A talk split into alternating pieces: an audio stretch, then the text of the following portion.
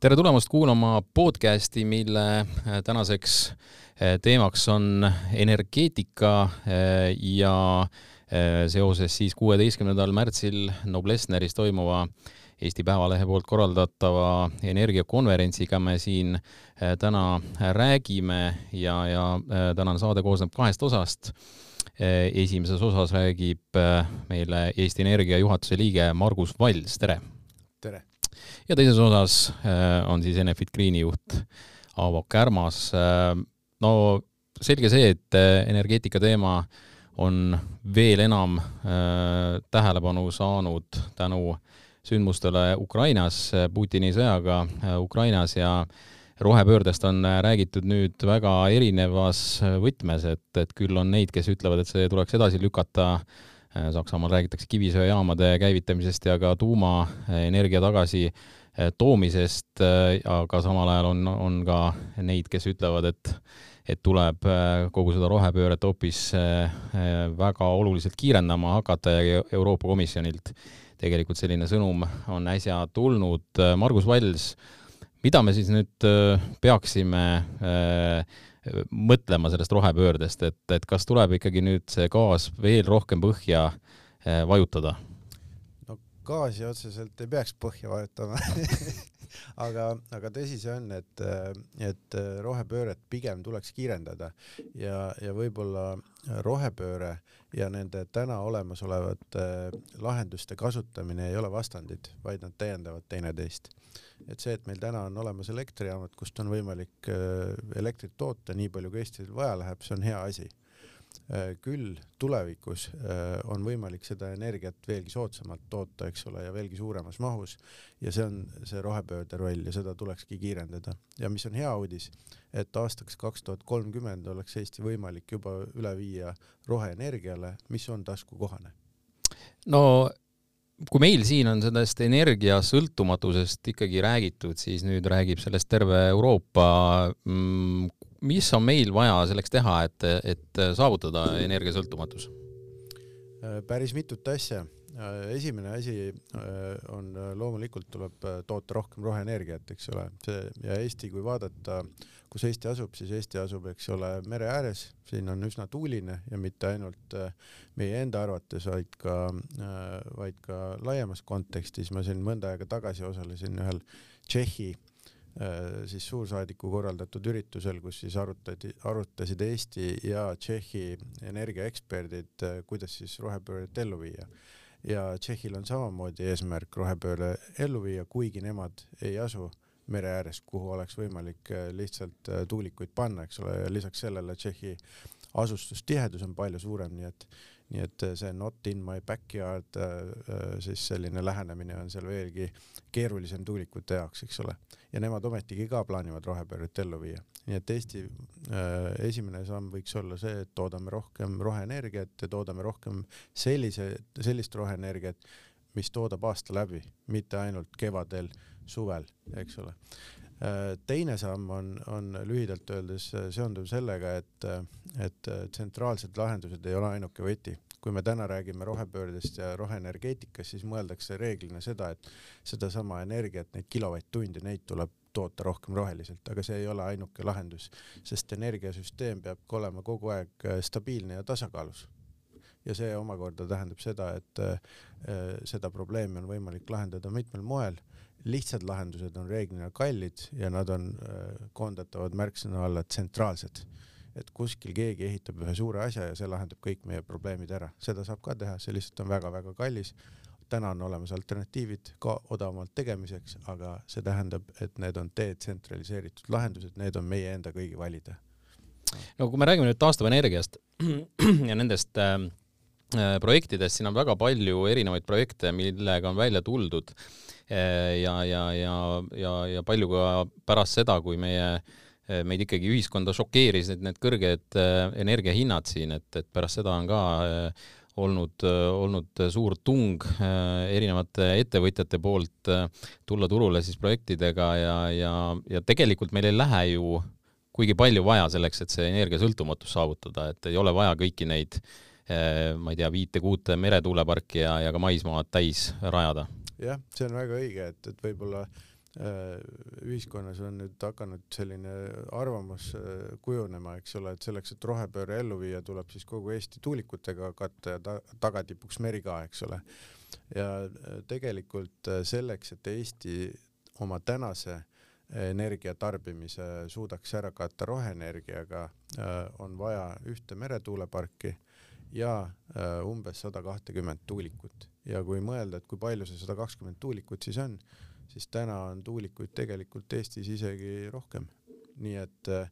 et selleks, et Eesti oma roheenergia äh, pöörde siis saavutaks, selleks tegelikult ei olegi noh,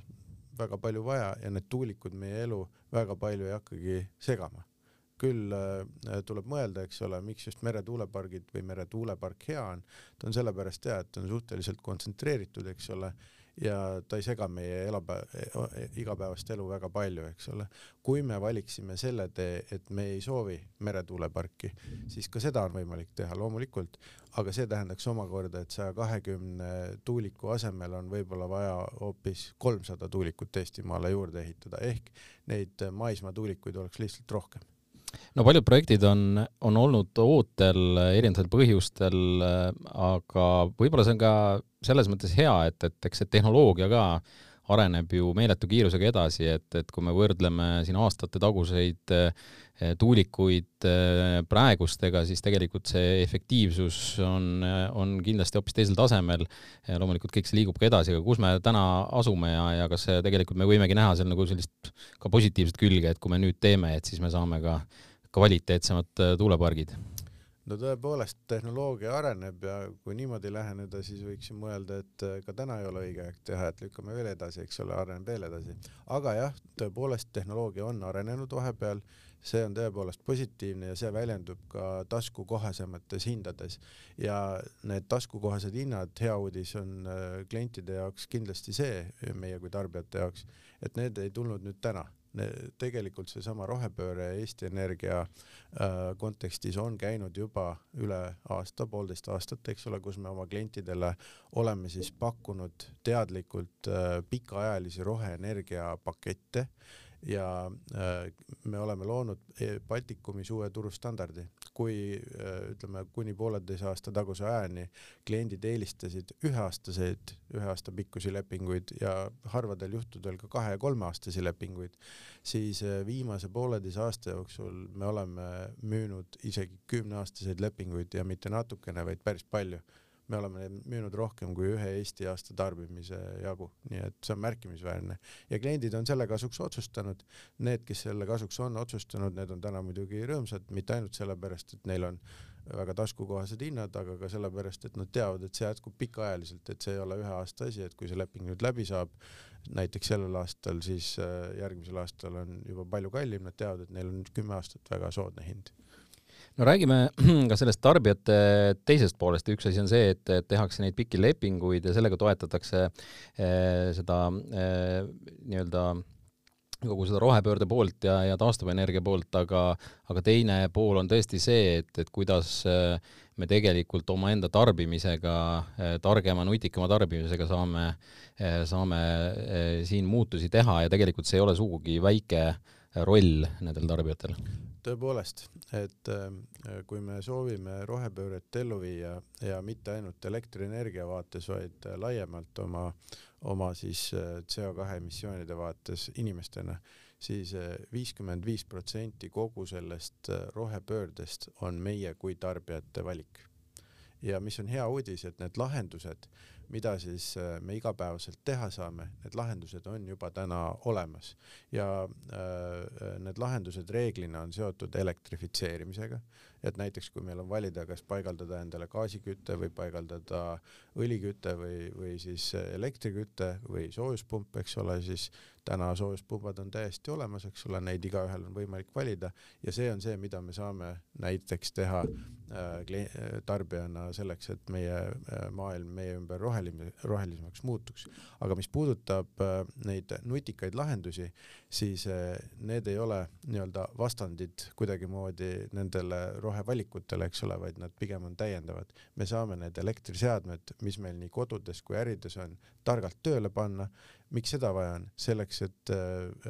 elektrisüsteem stabiilselt ka opereeriks, et kui nii-öelda tuul ei puhu või päike ei paista korraks, siis meil on võimalik see elektrisüsteem ilusti stabiilsena hoida ja äh, me saame siis seda elektrit tarbida. teisest küljest äh, on ka meil ühiskonnana teine valik, see tundub loogiline, eks ole, et elektriseadmed teha nutikaks, aga on ka teine valik, et ehitada näiteks tsentraalselt kuhugi ühed hästi suured akud, eks ole, mida me siis läbi võrgutasude hakkaksime kinni maksma kõik ja see lahendus on alternatiiv, mõned arvavad, et see on lihtne ja selge alternatiiv, tõepoolest, aga see on ka väga kallis alternatiiv. nii et me, kui me tahame klientidena ka odavat elektrienergiat, aga ka seda odavat elektrivõrku, mis seda elektrit üle kannab, siis on mõistlik valida nutikad lahendused, mis aitavad äh, siis elektriseadmeid äh, ta natukene üles või alla koormata, nii et me ise kasutajatena seda ei märkagi ja need seadmed kuidagimoodi noh, nii-öelda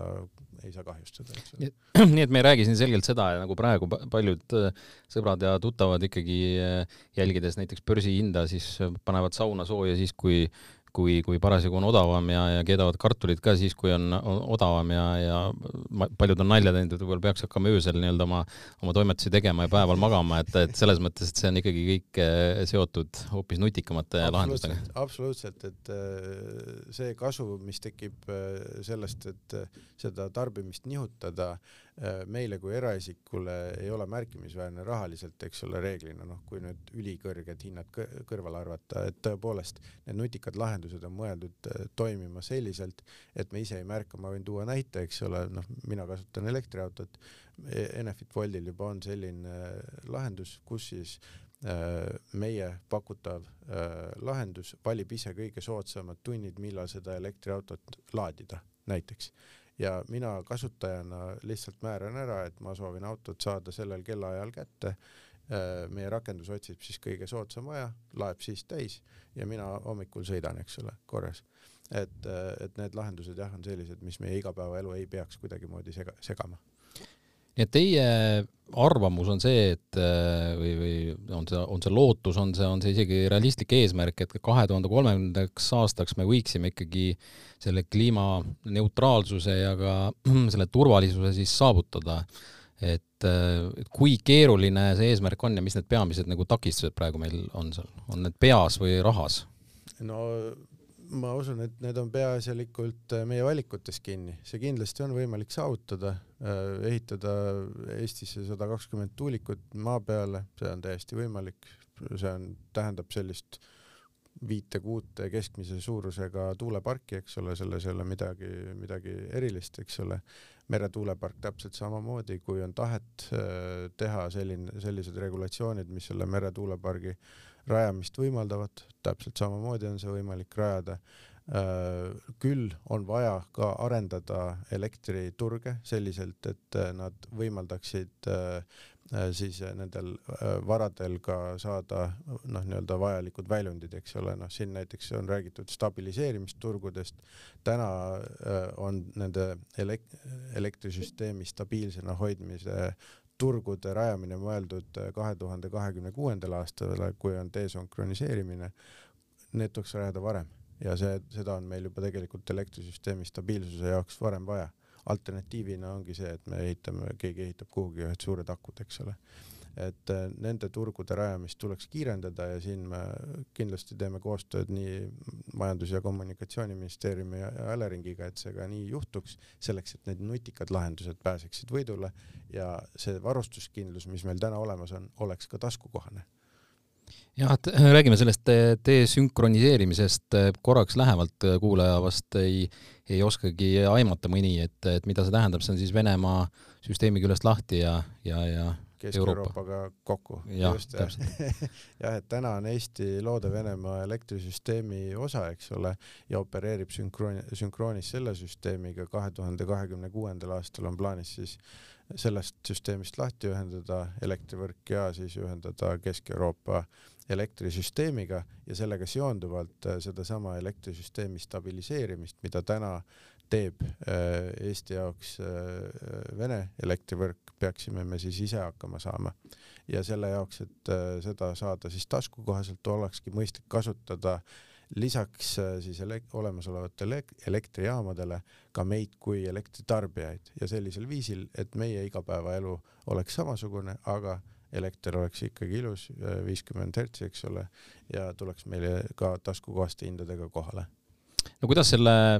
mitte minu tagahoovis selle mõtteviisiga võidelda, siin on muidugi juba, juba lahendusi ka leitud äh, selle näol, et, et tõesti ka kohalikud inimesed saaksid äh, kasu sellest, et, et nende lähedal siis need tuulepargid olema saavad, aga, aga on see nüüd see võti, mis peaks siis avama need võimalused rajada neid parke? jah, et meil on siiamaani ka tänaste äh, tuuleparkide ja ka teiste tööstusobjektide rajamisel kohalike omavalitsustega väga hea koostöö olnud ja loomulikult see on selge, et eh, kui ühte või teise kohta selline suurem objekt rajada, siis kohalikud peavad äh, sellega nõus olema, eks ole, see on, see on ka selge. Ja, ja sellega seonduvalt on vaja ka ette võtta meetmed, et need kohalikud omavalitsused ja kohalikud elanikud näeksid seda kasu, eks ole, ja selleks on täna Äh, ka olemas äh, äh, loodav vastav seadusandlikud meetmed, kohaliku kasu mudel, eks ole, kus siis see kohalik kogukond nendest tuulikutest või muudest seadmetest tekkivast kasust osa kasu endale saaks, selleks et kohalikku elu toetada. no Eesti Energias teie üks äh, niisuguseid ülesandeid või, või, või suundi on uusimad tehnoloogiad, tuleme korraks selle juurde ka tagasi, et kuidas need päikesepargid, tuulikud, kuhu suunas nad arenemas on, et noh, ja, ja võib-olla väike lisaküsimus sinna juurde, et, et kas tegeletakse ka selle poolega, mida, mis siis neid lähedal asuvaid inimesi nii-öelda häirivad kõige rohkem, et kas ka nendele on mingeid mõeldamas välja mingisuguseid siis lahendusi, et, et kuidas neid leebemaks teha, et jah, äh, no me, äh, mida me kindlasti jälgime, kõige suurem äh, mõju näiteks, mis tuulikutel on, on, eks ole, müra. Ja selle kohta on väga karmid reeglid, eks ole, kui palju, kui suur see müra olla siis võib sellel tuulikul. Ja see müra on võrreldav sisuliselt nendesamade reeglitega öösel, mis meil on noh, ka linnades, eks ole, et me noh, detsibellide arv, milline see müra olla võib, on, on piiratud, eks ole ja, ja teine, äh, teine nii-öelda äh, selline meede on siis kaugus äh, lähedal asuvatest siis elukohtadest, eks ole, see on samamoodi seadusega ära piiratud, et noh, sisuliselt kui need tuulikud ka rajatakse, siis nad ei peaks seda inimest või inimesi, kes seal ümberringi elavad, kuidagimoodi kuidagimoodi, eks ole, segada, samamoodi ka turvalisus, et kui te Eestis elate, siis on, võite mõnest tuulepargist mööda sõita, nad reeglina on sellised avatud alad, eks ole, et sinna saab üsna lähedale sõita ja vaadata, kuidas ta siis on. et nad on ehitatud kõik selliselt, kui nüüd üks hiljutine sündmus välja arvata, et nad on turvalised, eks ole, et et pigem on isegi mõeldav neid külastada kui turismiobjekte mm. -hmm. no üks asi, millest, millest ka võiks rääkida veel, kui me räägime noh, ütleme, mõne jaoks võib-olla olevikust, aga, aga pigem tulevikust on, on see, kuidas, või tegelikult väga paljude jaoks juba olevikust, see iseenda eh, tarbijate elektri tootmine ja, ja, ja, ja teine pool on seal siis ka see, et, et noh, juba räägitakse elektriautodest, et milline näiteks nende roll on eh, tulevases kodumajapidamises, et kus sa tõepoolest ka sealt elektriautost saad siis eh, odavat elektrit vajadusel võtta, et, et kõik igasugused salvestuslahendused on, on väga kuum teema praegu. jah, et see tuleviku energiamaailm ka sellise eraisiku jaoks on üsna, üsna huvitav ja, ja paljulubav, eks ole. et täna pakutavatest lahendustest äh, on äh, inimesel võimalik kasutada, eks ole, oma katusel äh, elektrienergiat toota, seesama elektrienergia salvestada siis salvestisse ja laadida oma elektriautot siis ise toodetud äh, elektrienergiaga, eks ole, ja sellega siis ringi sõita ja, ja, ja, ja, ja need on juba täna toimivad lahendused. kui me nüüd elektriautod eraldi võtame, siis elektriautod tegelikult ise on päris suured salvestid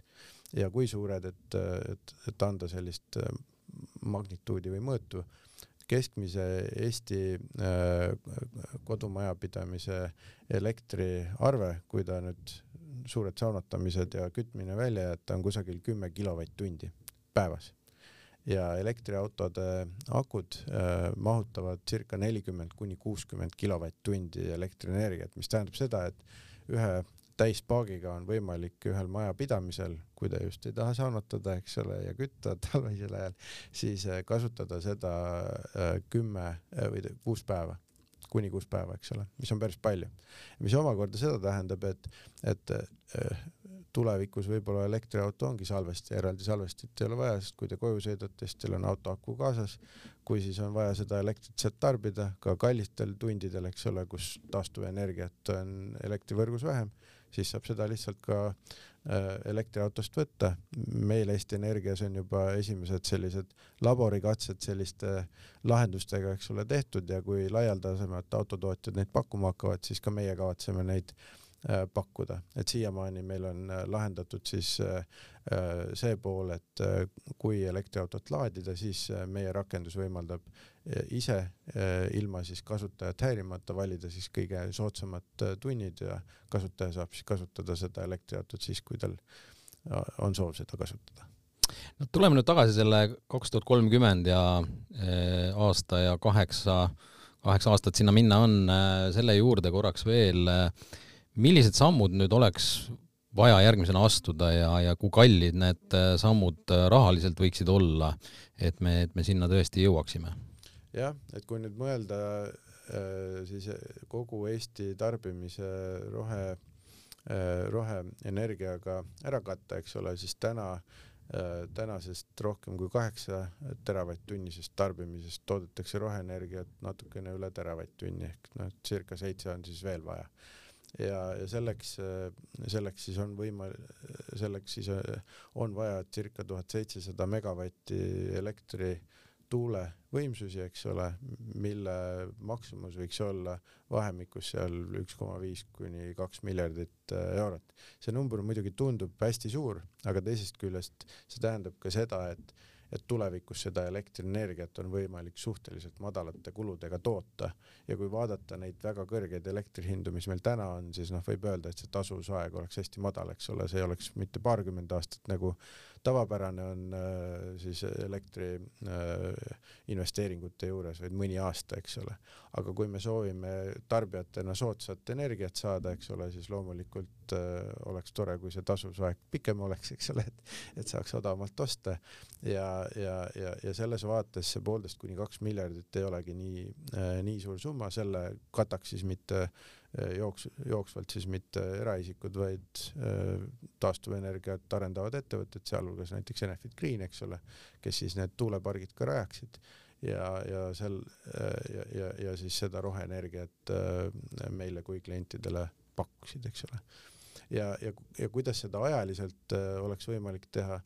see kaheksa aastat ei tundu energiamaailmas olevat küll väga pikk aeg, kuid kasutades näiteks meretuule, ühte meretuuleparki ja siis äh, viite-kuute keskmise suurusega maismaatuuleparki on see võimalik rajada ja see kaheksa aastat on täiesti piisav selleks, et seda ka ette võtta no selle tõdemusega on hea äh, see saate esimene äh, pool ka lõpetada, aitäh, Eesti Energia juhatuse liige Margus Vals ja kohtume juba pärast pausi kuulajatega uuesti. aitäh!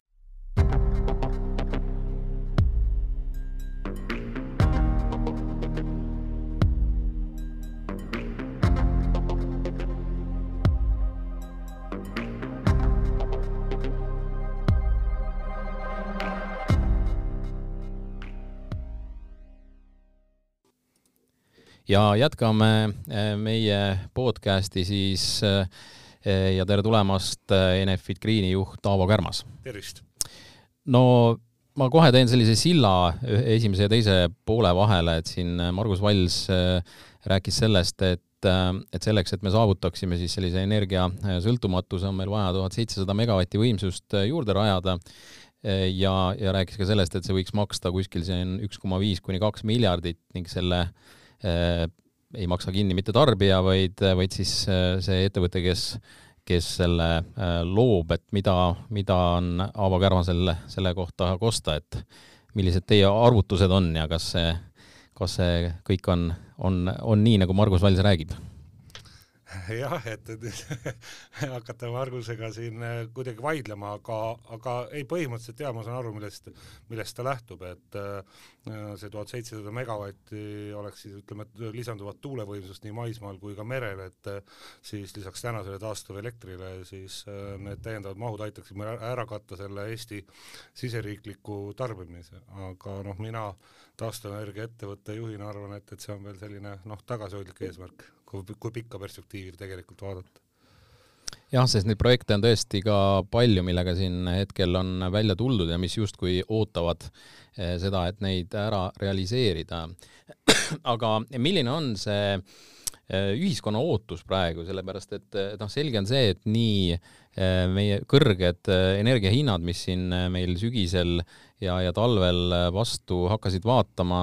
noh, nemad ju, need juba tekitasid eh, sellise fooni ja nüüd, kui, kui me oleme sellises eh, sõjaolukorras, noh, õnneks mitte meie, aga, aga, aga Euroopa, et siis mis noh, mida, mida praegu nagu kliendid soovivad või inimesed soovivad?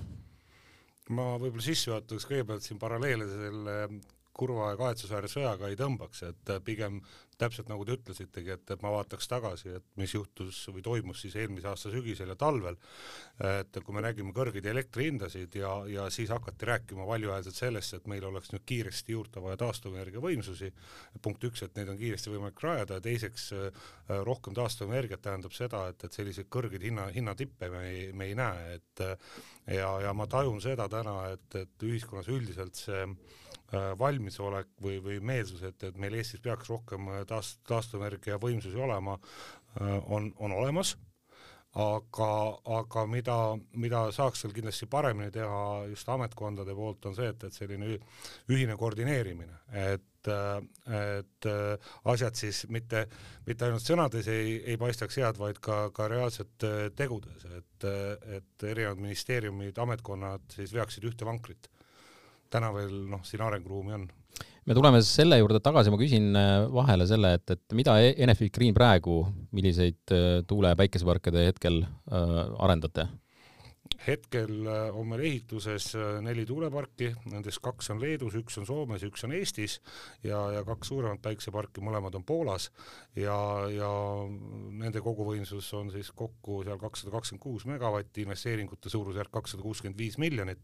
ja lisaks äh, on meil siis sel aastal soov täiendavalt investeerimisotsused teha neljasaja megavati ulatuses nii tuule- kui päikeseparke erinevatel meie koduturgudel, nii et, et kui need otsused on tehtud, siis äh, kahe aasta pärast äh, võiksid nad püsti olla. No äh,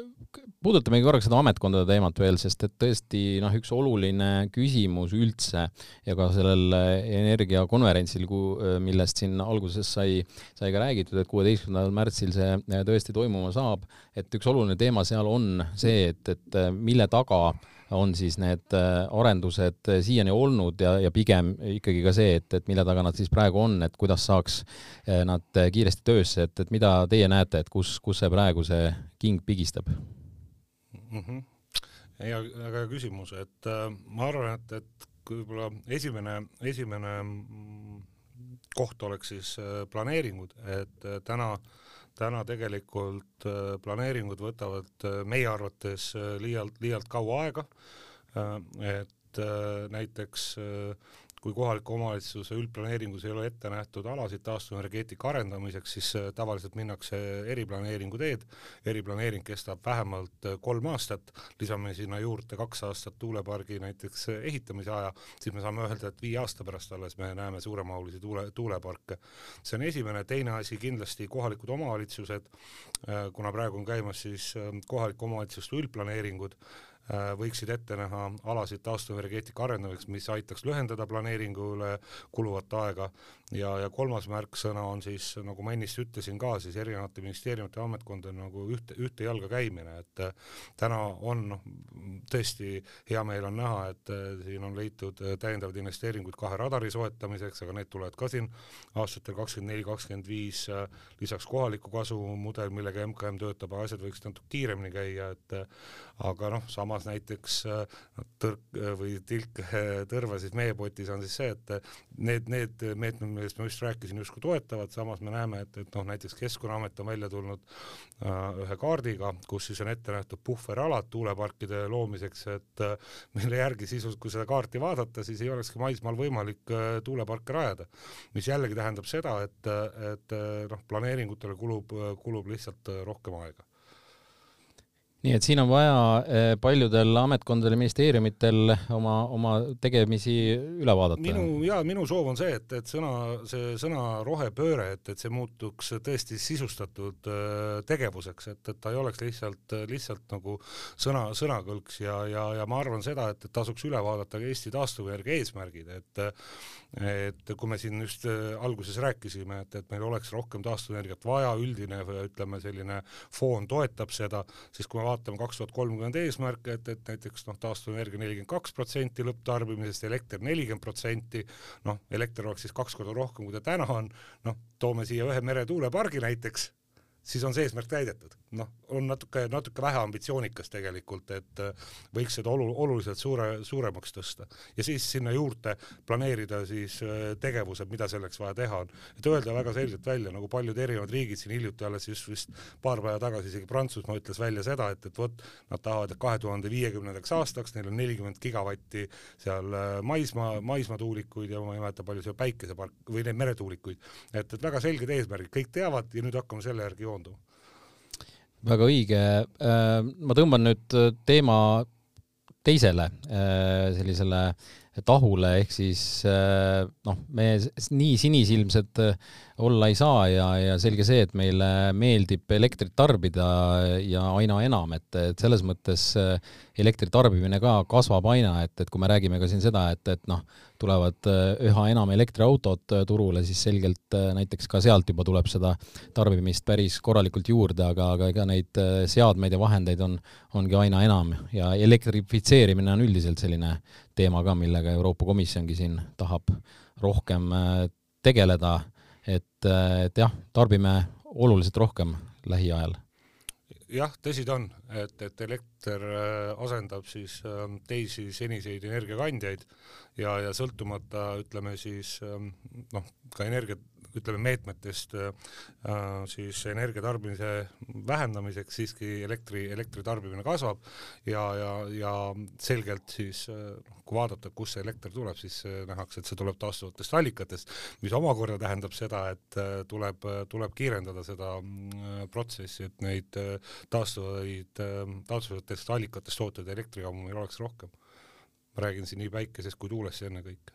Päi-, päikesest ongi siin selles podcastis ka olnud vähem juttu, ähm, noh, me, me ikkagi päris palju räägime, räägime ikkagi nendest suurtest tuuleparkidest, äh, aga ega päikese roll jah, Eestis küll, tõsi, äh, näeme me seda äh, ikkagi niisugusel kevadel, suvel ja siis, siis ta muutub marginaalseks, kui, kui, kui ka praegu vaadata, et milline on see päikese roll meie, meie hetke e, e energias või elektri tootmises, siis ta on ikkagi selline pisikene, aga noh, see on niisugune paratamatus, aga ikkagi see suund on ka väga oluline. On küll ja, ja ma ütleks niimoodi, et tegelikult me vaatame, et, et võrdluses näiteks tuuleenergeetikaga, siis täna päike, viimastel aastatel päikeseenergeetika on Eestis ikkagi teinud tohutu, tohutu sammu edasi, et, et siin viimase kolme-nelja aastaga on tegelikult päikeseparkide võimsus kasvanud pea viis korda, et, et täna on Eestis noh, circa kümme tuhat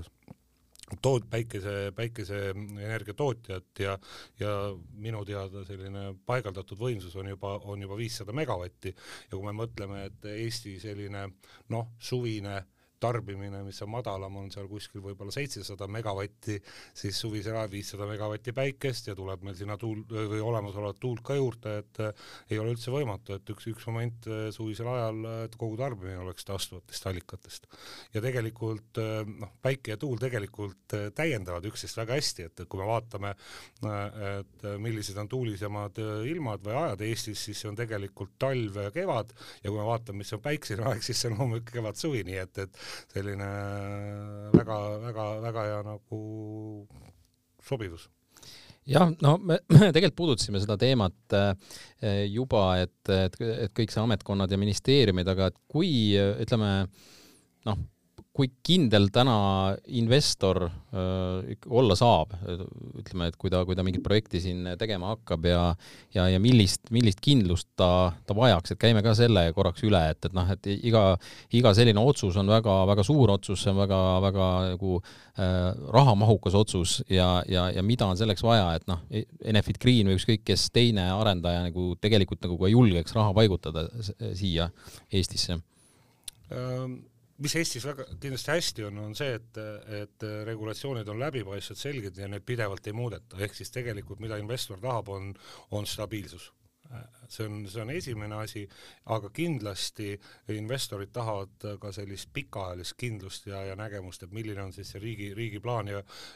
ja, ja kuidas selles suunas liigutakse ja, ja kuidas riik siis plaanib noh, toetada seda, et tekiks rohkem taastuvenergia võimsusi turule, et noh, näiteks toon, toon näite, et kindlasti selliseid laustoetusi tulevikus, nad on täna juba kadunud, neid ei ole tulevikus ka, et, et aga, aga kui me näiteks toome siin noh, suuremahulised investeeringud siin mere, meretuulepargid, siis noh, teatud, teatud kindlust ütleme just ähm, tulude osas investoritele on vaja, et et, et hetkel, kui, kui need hinnad, turuhinnad on nagu madalamad, et täna selliseid miljarditesse tehtavaid investeeringuid puhtalt vastu elektri turuhinda ei tehta, noh puhtalt vastu tähendab seda, et kolmkümmend aastat ja siis saad seda hinda, mida, mida, mida börsil on, et noh, seesama asi, et ka täna Majandus- ja Kommunikatsiooniministeerium on juba välja kuulutanud ühe taastuvenergia oksjoni, järgmise aasta alguses plaanitakse teine kuulutada, aga nagu ma ütlesin, sellest kõigest jääb väheks, tegelikult oleks vaja sellist pikaajalist plaani, et millal, millal tulevad sealt edasi järgmised eh, oksjonid, kas tulevad, mis mahus ja nii edasi, et, et investorid saaksid juba ette, ette planeerida, mis on need tingimused ja nii edasi. ja, ja, ja tegelikult noh, ma vaatan ka seda, et, et Eestis väga suure Eesti patrioodina noh, ka meie teeme täna investeeringuid ju Leetu ja, ja Soome miskipärast, et, et vähem Eestisse, kuigi jah, nüüd viimane uudis jaanuaris Purtse tuulepargi osas oli Eestis, et mida ma tahan öelda, on see, et, et investorid vaatavad ka piirkondi, mitte ainult konkreetseid riike. Ja, ja, ja siis tegelikult siin Eesti peab arvestama sellega, et, et Eesti konkureerib siin teiste, teiste, teiste riikidega Läänemere ääres nii on, äh, no Eestis tegelikult äh, jah, mainisite ka seda, et, et teil on, on plaanis siin tänavu ka investeerimisotsusteni jõuda ja üks neist puudutab ka Eestit, et, et saab sellest natuke lähemalt rääkida, mis Äh, jah, tegemist on meil siis Sopi, Sopi tuulepargiga, mis, äh, mille võimsus on sada kuuskümmend megavatti, noh, mis on tegelikult, ütleme niimoodi, et pool tänasest Eesti kogu tuulevõimsusest, mis meil, mis meil Eestis on ja ja me oleme öelnud seda ka oma investoritele, et me plaanime selle pargiga osaleda siis selle, selleaastases taastuvenergia oksjoni voorus, nii et, et loodame, et meil läheb seal kenasti ja ja põhimõtteliselt on see üks vähestest projektidest täna Eestis, et, et mida saaks võimalikult ruttu hakata ehitama et see võiks valmis saada siis? no me, kui, kui see aasta see otsus ära teha, siis ta võiks olla valmis, ütleme seal kakskümmend neli aasta lõpus juba ja, ja elektrit toota, nii et me saaksime noh, oluliselt rohkem taastuvelektrit juurde no me jõuame siin ühe teemani, mis, millega tegelikult äh, ka Margus Valsiga oli, oli äh, põgusalt juttu ja, ja küsin kohe nii-öelda, et kuidas selle Sopi tuulepargiga on äh, selles vaates, et, et kuidas kohalikud suhtuvad sellesse Äh, selle, selle pargiga kohalik äh, suhtumine on positiivne juba sellepärast, et tegelikult see park asub äh, vanal turbamaardlal, et, et seal ütleme, lähedal ela, elamuid ei ole, nii et on elamutest suhteliselt kaugel. aga selliseid kohti Eestis on ikka väga-väga vähe et noh, see, see ongi üks, üks küsimus, mis alati kerkib ja, ja kui me, kui me tõesti selle teema ette võtame, ehk siis et, et inimesed väga noh, isegi kui nad mõistavad ja, ja soovivad, et Eestisse neid võimekusi juurde tuleks, siis, siis ikka öeldakse seda, et, et see võiks minust kaugemale jääda, et, et tegelikult tõsi ta ju ongi, et ega meil noh, ei ole siin äh, Äh, väga nagu valida, et ega need arendajad nagu meelega ei tule äh, sinna lähedale või kuskile niimoodi, et need on ikkagi nagu, rääkige võib-olla natuke sellest protsessist ka, et kuidas see, see välja näeb, et äh,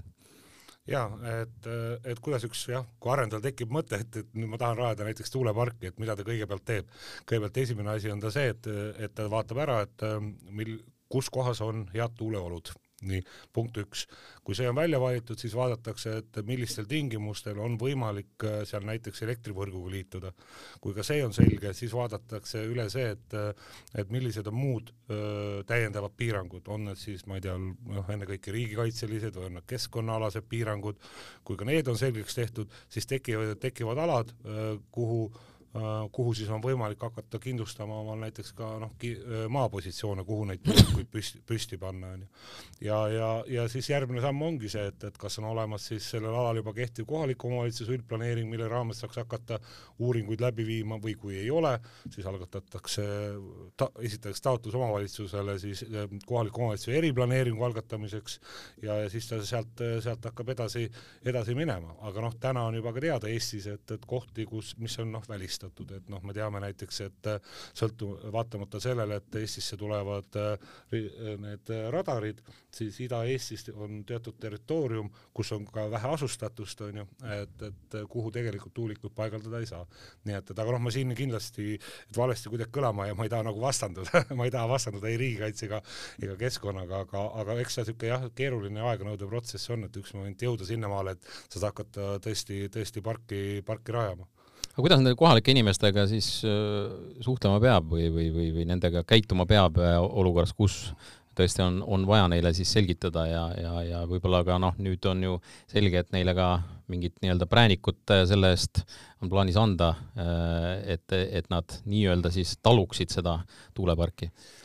enne kui ma, kui te lubate, enne kui ma sellele küsimusele vastan, et ma tuleks korra tagasi eelmise, eelmise punkti juurde, et me peame äh, arvestama sellega, et, et kui me tahame, et meil oleks Eestis rohkem taast-, taastuvelektrit, siis see tähendab ka seda, et elektrijaamad öö, äh, on nähtavamad nii tuulepargid on nähtavamad, nii päikesepargid on nähtavad. ei ole nii, nagu täna on, et, et meil on Ida-Virumaal on põlevkivi, põlevkivielektrijaamad kuskil ühes, ühes konkreetses kohas, et taastuvenergeetika tähendab sellist rohkem haja, hajatootmist. aga mis puudutab nüüd kohalike kogukondade kaasamisi, siis tegelikult esimene, esimene samm on see, et kohe, kui arendajal kuidas ma ütlen siis, tekib mõte ja ta on juba võtnud ühendust kohaliku omavalitsusega oma kavatsustest alles plaanidest äh, rääkida, peaks tegelikult kohe kaasama kogukondi. ja kuigi tegelikult tol hetkel arendaja ei tea seda, kas ta saab üldse tuuleparki rajada, kui suurt ta saab rajada, mida see tähendab, tuleb tegelikult ikkagi rääkida, mida üks tuulepark tähendab. noh, kogemused on ju olemas, kogukondadel tuleb seda rääkida. sellepärast, et, et kui jätta rääkimata või vastata lihtsalt nii, et vaadake, et kõik, kõik selgub siin uuringute käigus, siis see tekitab äh, teadmatust ja teadmatus tekitab inimestes hirmu ja, ja, ja vastuseisu. ja, ja mida meie oleme, meie oleme teinud äh, eks meil on ka ühesuguseid teistsuguseid näiteid, aga, aga valdavalt viimasel ajal me teeme nii, et, et me kohe, kohe suhtleme kogukondadega, me isegi loome töögrupid, kus siis saavad inimesed osaleda. lisaks me oleme andnud võimaluse ka inimestel külastada ühte töötavat tuuleparki, et võtta maha need esmased hirmud, on ju, et, et, et, et kui kaugelt ta paistab, kas ta teeb müra, on ju, kas see tuuliku laba, pöörlemine kuidagi segab inimesi, kas vibratsioon on probleem, ma viin nad kohe sinna reaalselt töötava tuuliku alla näiteks ja nii edasi, et, et noh, need asjad saab äh, nagu maha võtta ja, ja loomulikult ka siis see kohalik kasu, et et meie oleme sada protsenti seda meelt ja toetame, et see peab olema riiklikult reguleeritud ja just nii, et, et see tasu ei laekuks ainult kohalikule omavalitsusele, vaid tegelikult nende inimest, ennekõike ka nendele inimestele, kes siis on tuuleparkide naabruses. Ja täna noh, tuuleparki ei rajata nii, et pannakse sulle noh, maja, maja kõrvale, nad on ikkagi eemal, aga noh, selge on see, et, et võib-olla kuskilt, kuskilt teda näha on, teda taluda tuleb ja siis tuleks seda kompenseerida. Nii on. Äh, lõpetuseks küsiks teilt seda, et äh, e, noh, me oleme siin terve selle podcast'i vältel ka Margus äh, Valsiga siis rääkisime sellest, et, et ikkagi kaheksa aastaga võiks meil see tuhat seitsesada megavatti olemas olla või, või selle aja jooksul tekkida. kuivõrd reaalne see on ja, ja mis selleks peaks juhtuma, et see, see tõesti niimoodi läheks, et me, et me saavutame selle, kasvõi selle miinimumtasemegi ma arvan, et see on reaalne, nagu ma ütlesin, ma isegi ütlesin, see on tagasihoidlik, et, et see tähendab seda, et äh, kahe tuhande kolmekümnendaks siis vähemalt üks meretuulepark võiks olla valmis, vähemalt üks. ja, ja, ja kuna ma tean, et äh, täna on Eestis Äh, väga varajases arendusstaadiumis palju, palju tuuleprojekte, et ma loodan, äh, maismaal, et ma loodan, et ka need realiseeruvad, et äh, kui täna Eestis on noh, ütleme kogu maismaa tuulevõimsus on kolmsada, noh, ütleme seal ligi kolmsada kakskümmend megavatti, siis seitsesada ei tähenda seda, et meil tuleks üle kahe korra rohkem tuulikuid, sellepärast et kaasaegsed tuulikud on palju võimsamad ja efektiivsemad, nii et, et ma arvan, et isegi selleks, et selle seitsmesajani jõuda, on vähem tuulikuid, kindlasti on vähem tuulikuid vaja, kui meil Eestis täna on nii et, et ja, ja vaadates Eesti, Eesti kaarti, siis ma usun, et, et see on võimalik, aga, aga see on ainult koostöös peab olema see ühine tahe ühiskonnas, mida ma armastan öelda, et, et kui meil on tahe, siis on ka võimalus, et, et tahe kogukondadel, omavalitsustel, ministeeriumitel, arendajatel, et, koos seda asja teha ja siis asjad juhtuvad. kas te, küsin lõpus, kas te olete näinud selle soovi eh, kuidagi ütleme niimoodi, et, et on see nüüd viimastel kuudel muutunud, see selline tahe ja, ja või on need ikkagi sõnad või on seal ikkagi ka tegusid juures? ma viimaste kuude kohta nii täpselt ei oska öelda, ma näen seda, et see on muutunud, et ütleme, ütleme, kui ma vaatan neid arendusprojekte, mis, mis meil, meil nagu käsil on, et, et, et on, on väga hea näha, et, et on kohalikke omavalitsusi, kes tõesti on võtnud selle rohe, rohepöördega südameasjaks ja tahavad seda teha ja, ja ka kogukondades, kus me arendame, me ei saa öelda, igal pool nüüd näeme vastasseisu, et, et nii see pilt päris ei ole ja selle äh, jutuga ongi meie tänane podcast läbi, aitäh Enefit Greeni juht Taavo Kärmas, täname ka kuulajaid ja äh, ootame inimesi kindlasti ka energiakonverentsile Noblessnerisse kuueteistkümnendal märtsil, kõike head! thank you